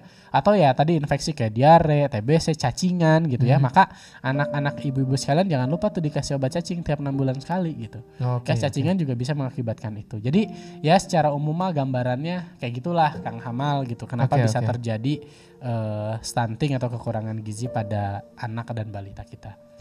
Oh gitu ya. Itu penyebab stunting tuh jadi banyak banget ya dok ya. Ya. Tapi asalkan kita tahu, asalkan kita paham selama seribu hari pertama kehidupan gitu kita bisa antisipasi banget ya. Betul. Nah kemudian upaya yang bisa dilakukan ini kan harus ekstra banget nih. Oh, Oke. Se- Seakan-akan jadi kebayangnya oh kita tuh harus beli banyak apa gitu tuh Oke. harus berhenti merokok nih bapak-bapak terutama nih ya, Ya, yang pergi merokok nih. ya, jadi upaya yang harus dilakukan gitu ya. Eh, jadi kan memang kalau ngomongin gimana caranya nggak stunting ya penyebab-penyebab tadi kan yang harus dibenerin. Kayak misalkan kalau satu daerah ketahanan pangannya kurang ya berarti kan pangannya harus dibikin supaya baik. Maka kalau misalkan di KBA atau DSA Yap. kalau punya program-program kayak urban farming, hidroponik, lele bioflok Nah. gitu, itu tuh bagus. Bagus Karena ya. kan itu bisa mem- apa ya bisa bagus atau bisa memenuhi kebutuhan ketahanan pangan. Hmm. Jadi kalau yang punya urban farming kan jadi nanti PMT pemberian makan tambahan anaknya ya dari hasil kebunnya, dari hasil Iya, iya, panen benar-benar. lelenya gitu kan. Dan sekarang kan ketahanan sudah pangan. banyak ya di RT RT Iya, gitu ya gitu. dibuat program seperti Ya itu. kayak gitu itu itu bagus tuh gitu kan. Terus ya apalagi pola asuh kan harus benar gitu ya. Terus eh, kalau ngomongin strategi pemerintah gitu ya, pemerintah itu tuh punya intervensi gizi spesifik. Nah di soal juga kalau tadi nggak salah saya ada baca ya ada intervensi gizi spesifik tuh yang berkaitan dengan program kesehatan langsung. Jadi kayak misalkan eh, kesehatan remaja sama izi gizi ibu hamil gitu ya ada penyuluhannya itu tuh masuknya ke intervensi, intervensi gizi, spesifik, pemberian makanan tambahan ibu hamil gitu, itu juga bisa. Terus Langsung eh, makanannya ya ya, jadi kan ya. pemberian ASI, MPASI gitu kan, atau pemberian makanan tambahan buat anak gitu. Terus eh, apa namanya ya hal-hal kayak gitu itu yang sifatnya intervensi gizi spesifik. Nah kalau yang sensitif ini tuh yang nggak langsung. Kayak contohnya apa sih? Eh, bikin sanitasi yang bagus gitu kan itu mah nggak langsung berhubungan dengan Ya, gizi ya, ya, gitu. ya, ya. Nah itu yang eh, sensitif tuh kayak gitu penyediaan air bersih keluarga berencana itu pun jadi eh, salah satu program untuk mengurangi permasalahan Itu gizi. juga salah satu Tapi solusi itu ya. intervensi gizi sensitif artinya nggak langsung berhubungan Oh, iya, dengan iya, iya. eh, apa eh, kekurangan Ya, gizi. itu gitu. kan tadi penyebab tidak langsung Betul gitu ya. kan ada KB, ada penyediaan air bersih, ada kesehatan mental ibu, jaminan kesehatan kayak gitulah. Nah, kalau yang di masyarakat apa nih yang bisa dilakukan untuk eh, membantu masyarakat ini dalam 1000 HPK? Ya, maka yang pertama, ketika ada ibu hamil, tolong dukung ibu hamil itu untuk mengkonsumsi makanan sehat yang seimbang dalam jumlah cukup. Nah, ini Iya, ada di iya, materi sesi 2. Jadi nanti tolong nih bapaknya, kakek, neneknya, ya mertuanya membantu mendorong untuk eh, ibu hamilnya mendapatkan asupan nutrisi yang baik. Terus jangan lupa juga ketika ibu hamil itu berkunjung ke fasilitas layanan kesehatan untuk memeriksakan kehamilannya. Hmm. Setidak-tidaknya minimal empat kali dalam prosesi kehamilan. Jadi di tiga bulan pertama sekali, tiga bulan kedua sekali, dan di tiga bulan terakhir dua kali. Hmm. Karena dengan eh, melakukan pemeriksaan rutin terhadap eh, layanan kesehatan atau tenaga kesehatan akan ketahuan ibu Hmm. ini tuh kurang gizi nggak ketika hamil. Maka ketika diukur lengan lengan lingkar apa lingkar lengan atasnya di bawah 23 setengah gitu ya. Hmm. Oh ini mah ibu kurang gizi maka didoronglah sama si dokternya atau sama bidannya eh, menu-menu yang bagus untuk kehamilan. Nah, maka ini pun menjadi penting gitu untuk eh, tadi ya eh, apa kunjungan kehamilan. Terus yang hamil juga minum tablet tambah darah eh, secara benar gitu ya. Terus kalau yang bersalin juga bersalinnya di layanan kesehatan. Jangan lupa ASI eksklusif gitu kan setelah lahir. Iya, iya. Bahkan sebelum ASI eksklusif sekarang tuh ada inisiasi menyusui dini yang anak ditamplokin di perut ibunya, kemudian Hmm. dia akan mencari puting susu ibunya untuk menyusui pertama kali dan keluar kolostrum. Iya, iya. Kolostrum tuh kayak ASI yang warnanya kuning yang kalau kata orang dulu mau itu mah harus dibuang karena racun buat Iya, anak nah padahal itu- enggak itu padahal tuh enggak ya. banyak eh, apa zat imunnya di situ. Nah, banyak mitos-mitos yang Ya. harusnya di Terus gitu ya. apalagi yang harus rutin dilakukan? Sering datang ke posyandu gitu. Hmm. Karena begitu datang ke posyandu, anak-anak itu akan ketahuan gitu ya, eh, apakah ini tuh pertumbuhan dan perkembangannya tuh ben- eh, ada masalah atau enggak gitu. Ah iya iya betul. Kayak betul. gitu. Itu sih gambarannya gitu. Bahkan kalau yang mesti ada nih kalau di tatanan desa apa aja gitu ya. Ini ada di slide 24 kayak tablet tambah darah buat remaja putri, pemberian makanan tambahan buat ibu hamil, ASI eksklusif, MPASI yang benar. Terus ini nih ada ada bina keluarga balita gitu ya sama keluarga berencana. Bina keluarga balita ini nih salah satunya yang dilakukan oleh Astra sekarang nih dengan adanya sekolah keluarga balita. Ya, kalau di posyandu anak dikasih vitamin A, dikasih makanan tambahan, obat cacing gitu. Ya. Nah, program-program ini kan bisa dilakukan di eh, apa namanya? daerah Bapak Ibu sekalian gitu. Kayak gitulah gambarannya Oh, kurang Nah, ini kan akar masalah itu ada ekonomi, pendidikan, bahan pangan yang tidak ada gitu Ya, kan. betul. Pola Nah, asuh gitu nah, kan. kebanyakan nih kalau misalkan yang dari ekonomi kan eh, sebenarnya ekonomi itu kan kalau dia bisa bagi-bagi anggaran ya, Ya. bisa anggarannya bisa matok. Ini ini lebih penting ke sini, ini penting kan ke makanan gitu. bergizi juga kan nggak mahal. Gak mahal kan? Ya kan kayak misalkan butuh kandungan protein, protein yang paling murah mungkin apa telur gitu ya. Telur ya. Terus ya. apalagi ikan juga kan nggak nggak semua ikan mahal ya, Iya. gitu. Ikan juga bisa. Ya sekali-kali juga kan bisa kali-kali kalau ikan ya. Iya, ikan. Ayam Ayam ya juga. juga bisa, tapi mungkin buat sebagian orang kan ada yang sulit ya untuk Ah. ayam sama daging gitu. Ya mungkin setidaknya telur atau ikan lah yang paling murah. ah, ya. Makanya tadi kan kalau di Kalau dari- daerahnya ada Hmm. bioflok lele kan, itu kan Nah. membantu orang-orang yang nggak mampu untuk diberikan ya budidaya bioflok lele Ya, tadi. atau gitu. berternak ayam juga tidak apa-apa Ya, di rumahnya. Gitu kan. Terus kalau apa eh, masalah protein hewaninya kan tadi kayak gitu. Nabatinya apa kan tempe murah. Oh, Kacang iya. kedelai murah kan tahu. gitu. Jadi sebenarnya nggak ada Itu alasan sebenarnya sayur nanam kangkung hidroponik paling Iya. gampang. Iya benar-benar cepat tumbuhnya juga. Iya. Nah ini kayak gitu. secara ekonomi juga kan di surveinya juga 50-50 ya. Bu- Iya. Jadi yang yang kena stunting itu justru bukan orang miskin saja. Oh, Enggak, kalau yang stunting memang sih kalau dikaitkan dengan ekonomi Hah? mayoritas pada menengah ke bawah. Benar ke bawah. Nah, yang tadi yang apa eh, proporsinya mirip tuh penyakit tidak menular. oh, yang Kayak penyakit hipertensi, oh, iya, iya, diabetes iya. itu mah mau yang kaya mau yang miskin sama proporsinya gitu. Nah, kalau Kayak gitu. kita akan buka sesi tanya kedua. Boleh, boleh. Sesi tanya jawab kedua, boleh. Tanya jawab kedua. Kita masih punya berapa menit lagi di siaran ini? Ada berapa menit lagi? Kita sudah oh setengah jam lagi. Oh, masih ada setengah jam. Silakan. Jadi buat Bapak Ibu yang mau bertanya seputar eh, materi di sesi kedua itu boleh langsung ditanyakan. Bisa lewat eh, eh, Spoon ataupun juga lewat grup WhatsApp, WhatsApp. ya. Grup WhatsApp juga bisa. Kemudian tentunya pertanyaannya nanti akan dijawab satu persatu. Mohon untuk pertanyaan sesuai dengan materi yang sudah dipaparkan. Bapak Ibu juga masih bisa melihat eh, apa materi yang di-share lewat grup WhatsApp yang berupa PDF itu. Jadi sambil buka sambil bisa mendengarkan eh, akun Spotify eh akun dari Spoonnya. Jadi bisa diminimize sama Bapak Ibu eh, akun Spoonnya bisa sambil membaca materi-materi yang sudah dikasih lewat grup WhatsApp oleh eh, admin S oleh admin peran ibu dalam periode ke- emas kehidupan karena dinamainnya juga emas kehidupan Iya, tuh. sebenarnya ini gak cuma ibu ya, peran ibu dan bapak gitu. Ih, Nah, iya Karena bener ternyata sih. banyak bapak-bapak juga yang gabung, alhamdulillah ya. Dan yang biasa. makanya tadi ada bilang anggaran merokok lebih banyak. Nah, itu itu tuh ada. itu yang paling susah buat ibu-ibu buat ngelarang merokok. Itu bapaknya. tuh dan itu bener banget eh, Kang Hamal ya. Jadi para ibu ini nggak akan bisa ngapa-ngapain terkait dengan perihal merokok suaminya. Ya. Maka sekarang kalau para bapak di sini yang merokok gitu ya, ya kalau bisa jangan di rumah. Kalau bisa jangan sampai anggaran rokoknya lebih gede daripada eh, anggaran beli makanan sehat anak-anaknya gitu Nah, kan. itu dia. Kayak gitu. Dan jangan khawatir tadi ya kalau masalah ASI eksklusif itu ya. Jangan sampai dikasih makan. Jangan lah, nggak apa-apa. Si eksklusif tuh Ini bukan kelaparan kalau rewel tuh ya berarti ya. Bukan, namanya anak mah ya pasti kayak gitu. Iya benar-benar. Kalau tiba-tiba dewasa langsung eh, ngasih quotes ke bapak ibunya kan nggak mungkin ya. Coba ada pertanyaan nggak? Silahkan dibacakan. Nah ini Pak Dokter berarti nggak ngaruh kayak genetika kan tadi, tadi sudah. udah ya. Kemudian Ini udah juga nomor dua. em, Mana yang belum? Coba yang udah dihapus aja deh. dua diabetes bisa berpengaruh sudah. Standar minimal berat dan panjang bayi dilahirkan sudah. Ke bawah ke bawah terus sudah. Belum Se- semuanya kayaknya sudah. Udah ini mah udah semua. Udah dijawab juga lewat materi. Coba yang baru yang tadi Coba lihat di Nah, spoon itu. atau di Nah. WhatsApp-nya deh. Coba. Nah, ini ada pertanyaan untuk Bisa mencegah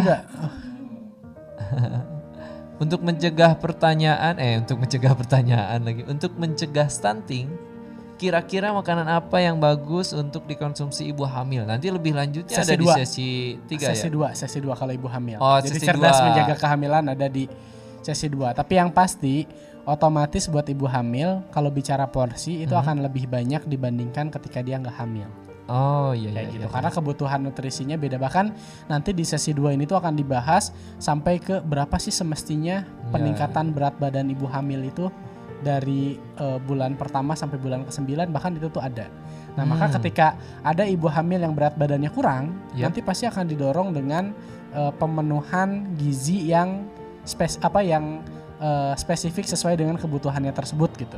iya iya iya Kayak benar gitu. benar nanti, nanti soalnya panjang dua. banget sih ya Benar, kalau karena ini harus tuh, dijelasin Eh, bicara sekolah keluarga balita itu tadi yang saya bilang antara sesi 1 sampai sesi 5 itu itu sangat berkaitan gitu. Hmm. Jadi ya eh, dan nggak akan bisa semuanya dibahas secara detail di dua jam siaran ini gitu. tapi lebih lanjutnya mungkin bisa dipelajari juga Betul, ya betul. Dok. di posyandu posyandu juga sering ada kan ya ada eh, bahkan nanti juga kita juga ini. share juga video-videonya juga. Oke. Kemudian ada Pak Dokter, ini ada pertanyaan nih. Nah. Upaya apa saja agar remaja tidak mengalami anemia agar kelak anak-anak yang dilahirkan sehat? Ya Maksudnya- tadi oh, ya. iya, iya, iya. Berarti kan makanannya juga dia harus memenuhi kaidah menu seimbang yang tadi saya sampaikan.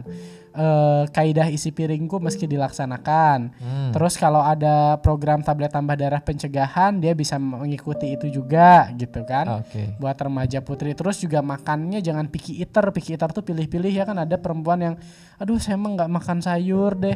Aduh saya emang nggak makan daging, saya emang cuma nasi putih aja gitu. Ah, Nah itu itu nggak bisa. Kita harus eh, menu seimbang dengan pedoman isi piringku atau tumpeng gizi yang eh, kalau bapak ibu cari itu banyak lah di Google gambar-gambarnya. Oke. itu ya. Ini pertanyaan selanjutnya sudah dijawab juga sebenarnya. Tabel tablet penambah darah diminumnya apakah saat wanita datang bulan atau ada waktunya tadi Nah kan kalau sudah- untuk yang pencegahan buat remaja putri, buat remaja putri itu remaja putri itu artinya dia belum nikah ya. Ya, yang belum remaja putri ini tuh dia saat sekali lagi ya satu tablet di tiap minggunya di hari yang sama Mm-mm. selama satu tahun. Jadi kalau hari Senin Senin Senin lagi. ya tiap hari Senin, Senin, Senin, Senin lagi, Iya. Senin lagi gitu kan kayak gitu. Kecuali kalau memang yang dia sudah punya anemi, dosisnya beda itu harus dikonsultasikan ke dokter. Terus kalau buat ibu-ibu gimana gitu?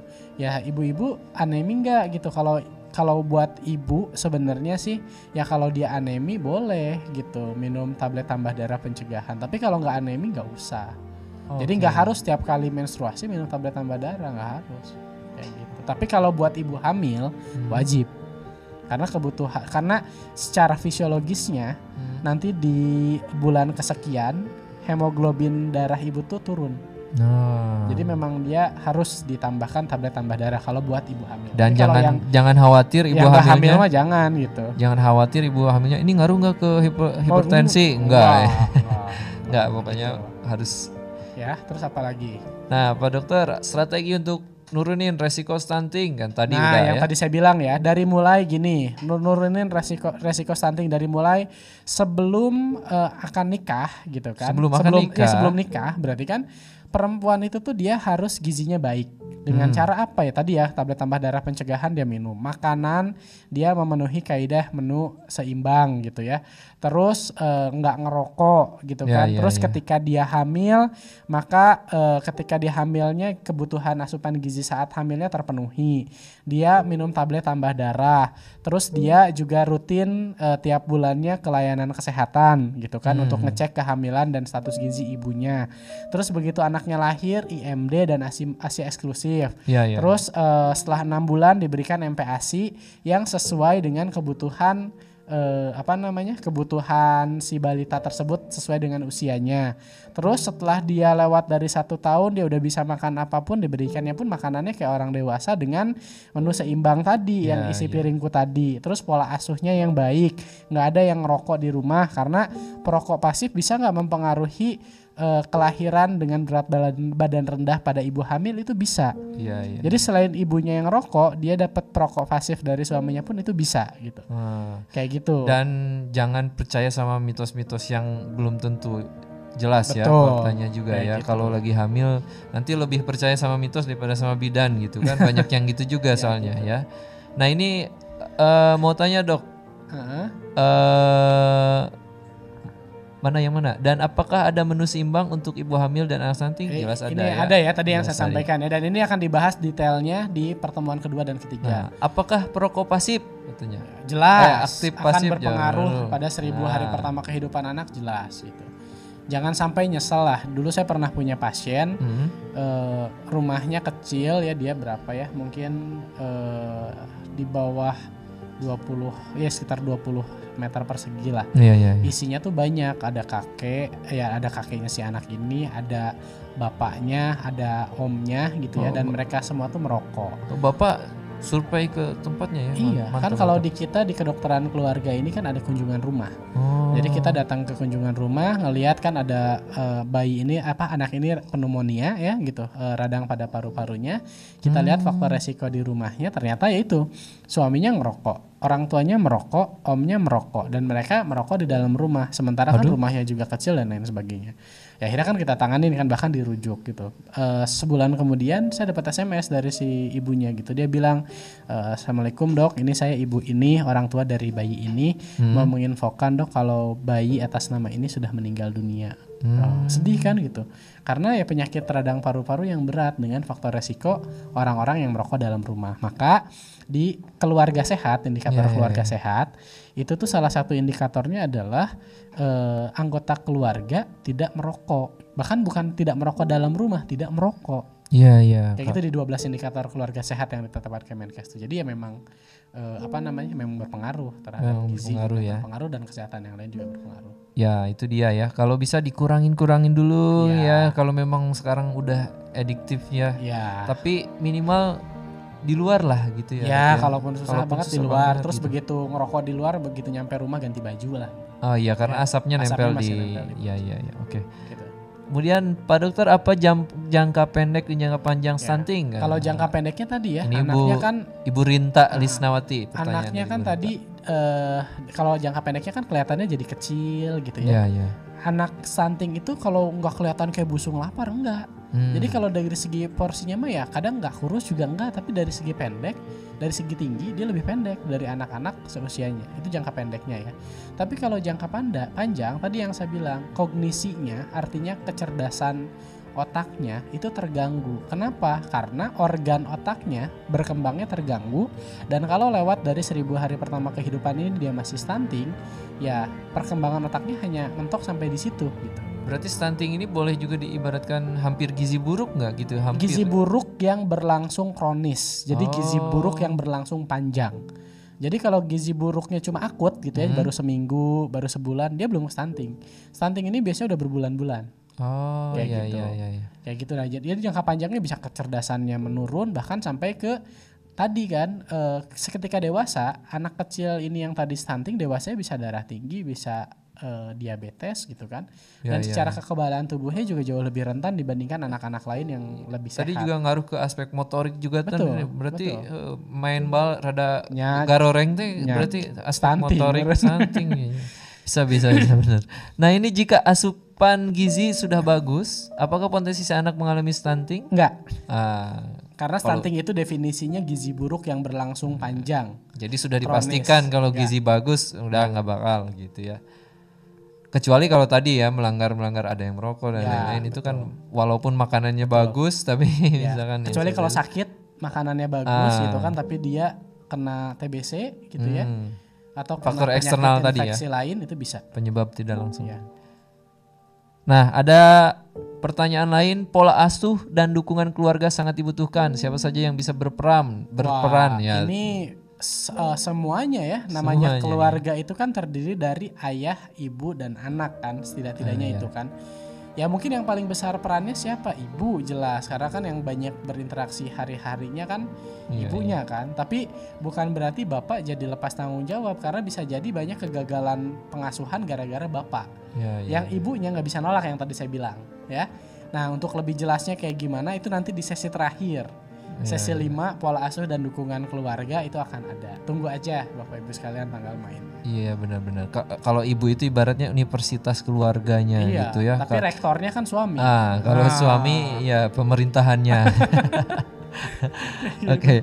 Kemudian ada jika asupan gizi sudah bagus sudah tadi eh, pola asuh sudah. Apakah aktivitas fisik body image itu maksudnya gimana ya body image? Ya, saya nangkap. Oh, iya. Intinya aktivitas fisik sama depresi bisa nggak mempengaruhi status gizi? Bisa banget. Oh. Ibunya stres, ibunya depresi, anaknya kurang gizi. Oh. Bisa.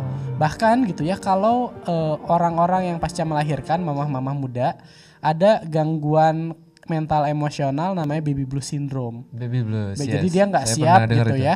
Bahkan anaknya didiemin aja gitu. Bahkan sebagian ada yang saking depresinya anaknya nangis terus ditutupin pakai bantal sampai meninggal. Hmm. Jadi bahkan nggak cuma eh, mempengaruhi aspek gizi gitu, sampai kesehatan Mental, anak mental, pun ya. ya bisa berpengaruh juga dari ibu yang mengalami Ya, ya. gangguan eh, apa namanya kesehatan mental emosional. Jadi itu sangat suami berpengaruh. juga harus Dan itu pun harus ada dukungan suami kan. harus paling penting Biasanya eh, apa namanya baby blue syndrome itu terjadi karena dukungan keluarganya Ya, kurang. kalau gitu. misalkan yang sering kerja atau jauh kerjanya bisa lewat telepon sekarang kan Betul. ngasih perhatiannya ya. Betul.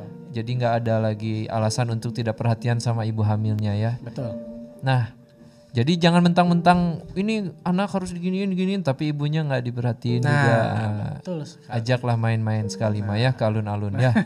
Tapi nanti ya, beres corona ya. Iya benar-benar lupa ini. Berarti belanja doang Pak boleh? Kalau belanja ngasih belanja. Belanja online aja. Iya, dicek ya. check out eh, HP istrinya kan pasti udah ada yang di check out gitu ya di akun-akunnya. Nah, itu di transfer tinggal ya. dibayar ya. nah, ini jika usia si ibu di atas 40 tahun sedang hamil, apakah calon bayi aman dari stunting? Nah, Ah, 40 40, tahun tuh. tahun, dia- jadi gini, kehamilan di atas 35 tahun itu beresiko. Beresikonya terhadap apa? Terhadap stunting bisa nggak? Mungkin bisa jadi eh, kalau terhadap stunting sih nggak ada masalah selama Hmm. gizi ibunya baik, pengasuhannya baik, begitu dilahirkannya pun pemberian gizinya baik.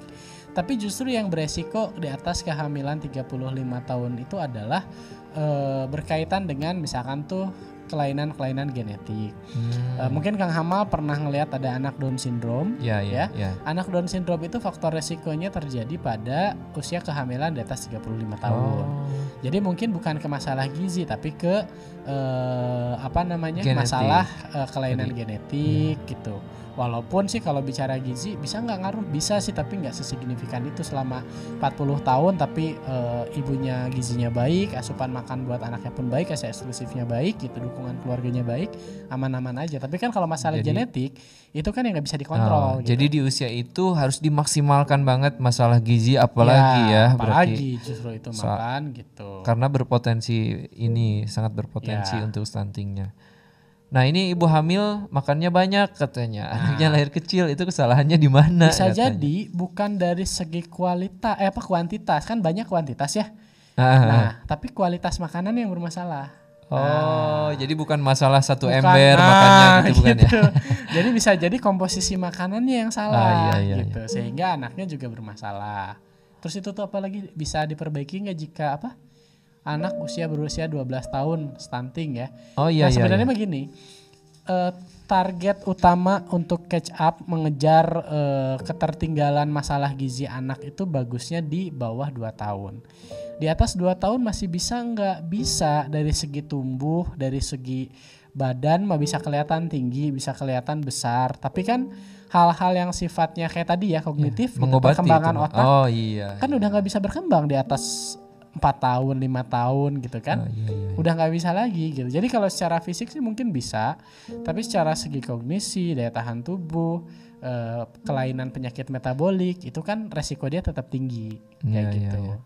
jadi makanya kenapa saya sampaikannya di sini materi seribu hari pertama kehidupan ibaratnya ini tuh kesempatan yang harus sangat besar dimanfaatkan buat orang tua yang masih punya anak di bawah 2 tahun atau yang sekarang di bawah 2 tahun atau yang sekarang akan punya anak lagi dipertimbangkan atau benar-benar diperhatikan seribu hari pertama kehidupannya dari Ya, mulai ya, ya. konsepsi pembuahan sampai anak itu 2 tahun. Iya iya. iya. Jadi yang selama 2 tahun mah yang tadi sibuk banget orang tuanya kerja, suami istrinya coba deh 2 tahun aja dulu. Ya, 2 benar, tahun benar, awal aja eh, sedikit berkorban atau perjuangannya lebih ekstra supaya kita dapat anak dan kualitas hidup Indonesia yang lebih berkualitas. betul, betul. Karena anak-anaknya kan sehat gitu.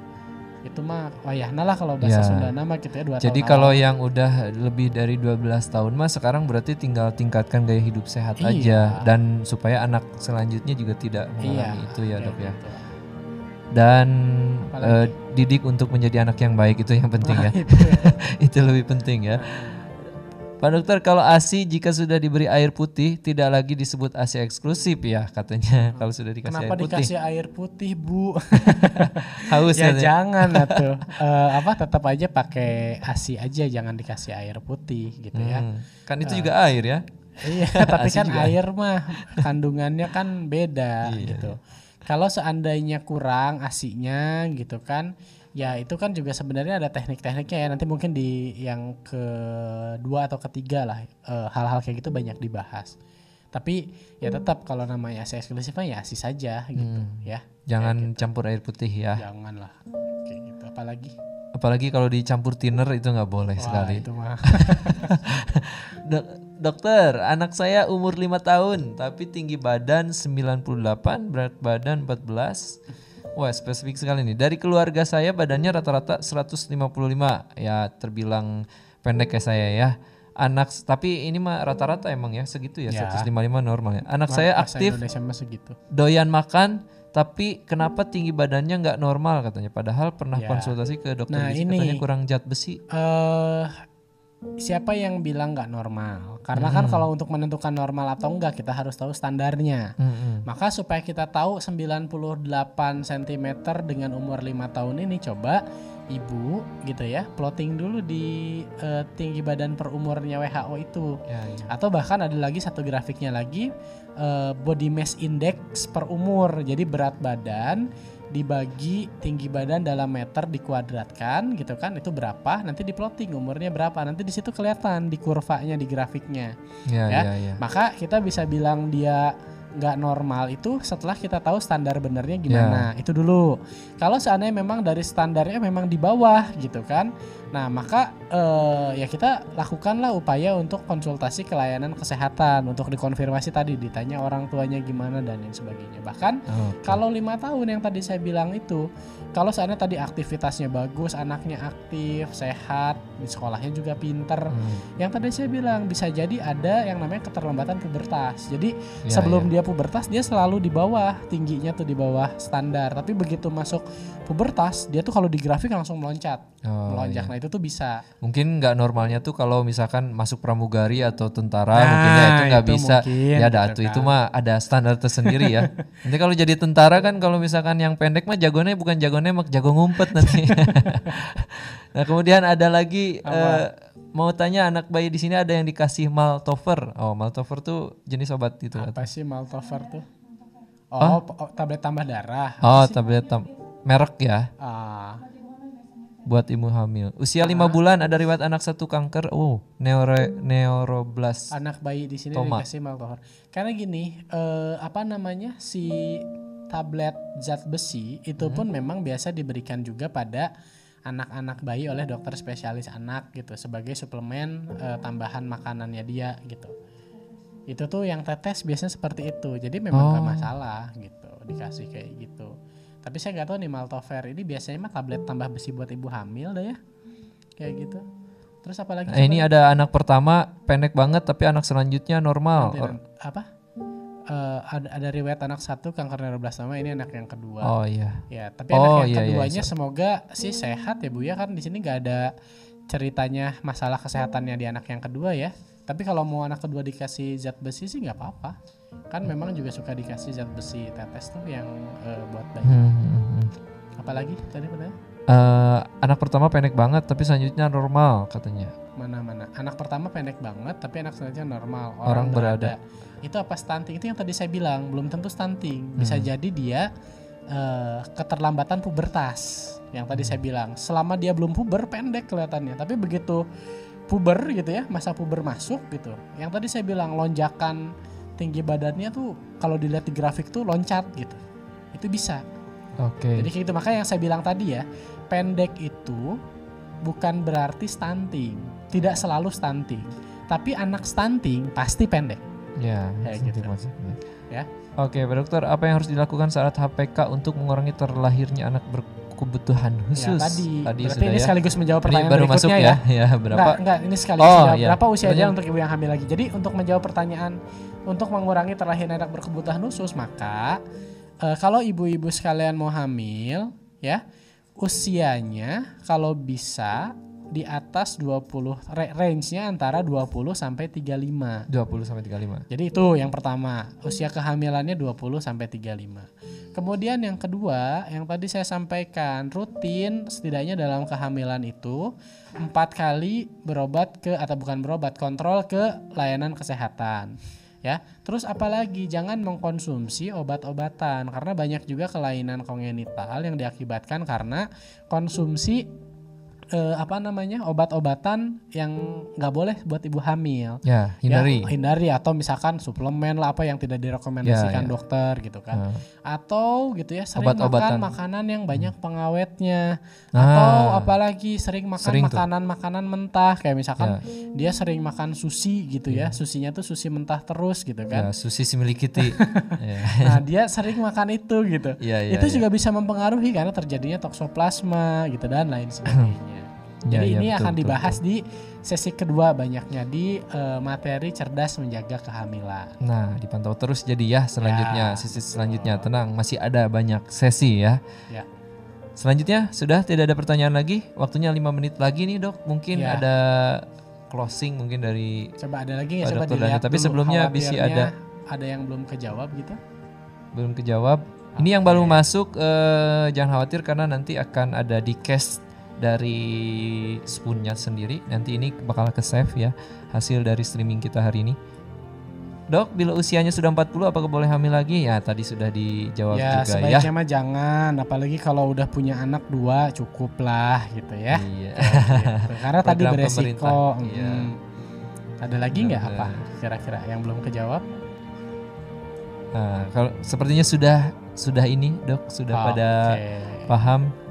Mohon nanti dapat di-share rekaman pemaparan materi siap ya katanya Siap. ya. Pokoknya terima kasih banyak Bapak Ibu sekalian yang sudah ikut bergabung oke. bersama kami. Mungkin pesannya di sesi yang Dan pertama ya, Kang Ini ada Hamal. pesan terakhir tentunya dari Ah. Pak Dokter Dani. Di sesi ini eh, Bapak Ibu sekalian tadi ya yang saya sampaikan bahwa dari mulai pembuahan sampai anak berusia 2 tahun ini adalah periode emas untuk anak ini bisa tumbuh dan berkembang. Ibaratnya investasi 2 tahun ini mempengaruhi kualitas hidup eh, anak bapak ibu sekalian di sisa waktu hidupnya gitu. Jadi dua tahun untuk investasi keberlangsungan hidup yang lebih baik sepanjang anak ini hidup gitu. Jadi tolong di dua tahun ini, dua tahun awal ini dari mulai pertama kali kita akan merencanakan kehamilan sampai anak lahir sampai dua tahun itu tuh eh, benar-benar dioptimalkan eh, pola pengasuhan, pola pemberian nutrisinya terutama gitu. Kenapa? Karena dengan nutrisi yang kurang, yang tadi saya bilang dia bisa mengakibatkan kekurangan gizi yang kronis gitu ya stunting otak nggak berkembang gitu ya daya tahan tubuh kurang gitu. Uh, ke faktor resiko penyakit men tidak menular juga tinggi. Jadi ya tolong gitu kalau yang mau punya anak lagi atau yang anaknya masih di bawah 2 tahun atau yang lagi hamil tolong dijaga baik-baik karena uh, di sinilah kesempatan kita untuk uh, bisa menghasilkan manusia-manusia uh, yang berkualitas di Indonesia. Dan nanti untuk lebih detailnya lagi uh, bagaimana aspek-aspek yang lainnya, silahkan uh, ikuti terus di sesi 2, 3, 4, dan 5 akan ada lagi khusus untuk orang tua dan nanti untuk yang jadi kader kesehatan yep. ada lagi sesinya gitu jadi uh. kalau yang kader nanti lagi kelas kader harusnya tambah pinter ya karena yeah. materinya sama ini lagi Padet ini ya, lagi mantap. gitu kayak gitu cuma bedanya kalau buat kader dia nanti punya tanggung jawab untuk menyebarkan ke yang lain nah ini tapi ada pertanyaan boleh satu Apa? lagi katanya dok saya berumur 32 tahun saya cesar saya hamil boleh nggak hamil lagi katanya Sesar itu Ini kalau misalkan nih. 32 tahun sesar anak baru satu boleh. Boleh lagi tuh, sekali lagi. Boleh ya, sudah ya. gitu. Oke, ya. baik. Sebagai penutup nih Hamal Mas Kumambang pamit Siap. undur. Mohon maaf kalau misalkan ada salah-salah kata, ada bercanda yang kurang pas ya di berkenan di hati Bapak Ibu. Dan ini Hamal Mas Kumambang dan juga Bapak Dr. Dani Ferdian MKM pamit undur. Jangan lupa jaga kesehatan Bapak Ibu semua dan mudah-mudahan pesan-pesan dari Pak Dr. Dani Ferdian MKM bisa bermanfaat buat Bapak Ibu semua. Akhir kata, Assalamualaikum warahmatullahi wabarakatuh. Pak Dani ya, terima juga. kasih. Sampai ketemu lagi di sesi-sesi berikutnya. Jangan bosan untuk ikut uh, kelas sekolah keluarga balitanya Astra. Baik. Astra sehat ya. untuk Indonesia. Indonesia.